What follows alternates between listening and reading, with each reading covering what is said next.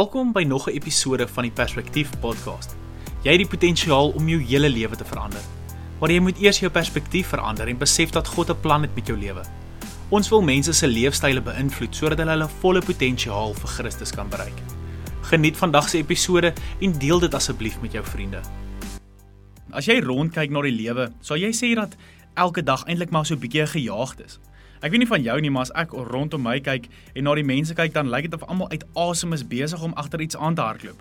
En in die proses hardloop ons agter goed aan wat nie eers eintlik die effek vir ons gaan hê wat ons verlang nie. Ons soek dit en ons soek dat en ons dink dit gaan ons gelukkig maak of vervulling gee, maar as ons dit kry, het ons nie die effekte wat ons gesoek het nie. Dan dink ons selfs net meer van die sekere ding sal vir ons die effek gee wat ons so na soek.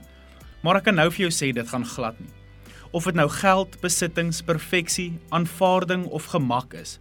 Niks gaan vir ons die effek gee waarna ons smag nie.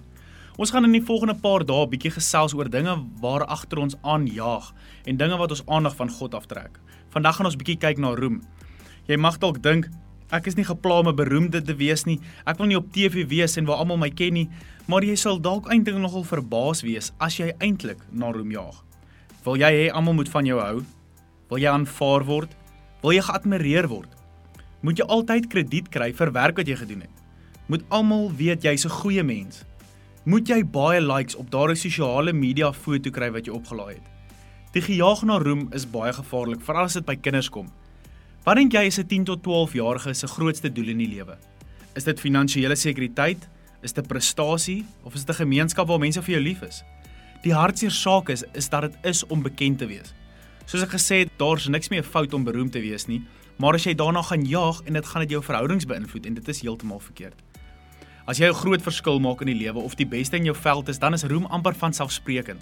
Net soos Dawid in 1 Kronieke 14 vers 16. Die Bybel sê Dawid het gemaak soos God gesê het en hulle die Filistyne verslaan van Gibeon af tot by Geser. Dawid se roem het na al die lande toe versprei en die Here het al die nasies vir hom laat ontsag kry. Omdat Dawid geluister het na die stem van God, het hy roem ontvang. Salomo het God gevra vir wysheid en toe gee God ook vir hom rykdom en roem daarbey. Let daarop dat in albei hierdie gevalle nie roem die eerste vraag was nie. Johannes die Doper is 'n baie goeie voorbeeld hiervan.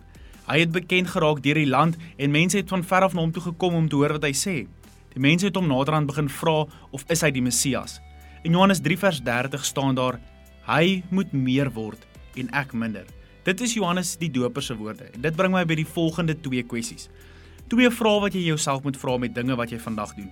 Wie verteenwoordig jy? As jy sê jy is 'n Christen, dra jy Jesus se beeld uit. Hoekom doen jy dit? Is dit om die beeld van Jesus te verbeter is, of is dit om jouself te verhoog? In 2 Korintiërs 5:20 staan daar: Ons tree op as ambassadeurs vir Christus. Dit is 'n ongelooflike groot voorreg om 'n ambassadeur vir Christus te kan wees. Sê jou lewe so? Die tweede vraag is: wie se goedkeuring maak die meeste saak? As jy elke dag dinge doen, doen jy dit vir die goedkeuring van mense of doen jy dit vir die goedkeuring van God? Ons moet besef dat al goedkeuring wat werklik saak maak, is die goedkeuring van God en nie van die mense by die werk of by die skool of selfs jou gesin nie. In die dae wat voorlê en in die week Kyk of daar tekens is in jou lewe wat jy eintlik na roem en aanvaarding smag. Dink mooi oor besluite wat jy neem sodat jy God se goedkeuring kry en nie die wêreld se jaag nie. Ek sluit af met Jim Carrey se woorde.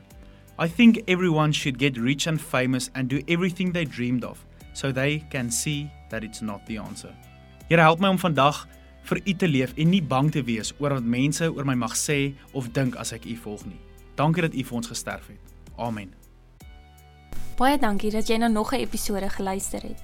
As jy enige geestelike hulp nodig het of graag wil deel word van 'n groep jong mense wat elke Woensdag aand bymekaar kom, stuur asseblief vir ons 'n e-pos na jeug@harmoniegemeente.co.za of volg ons op Instagram en Facebook vir meer inligting.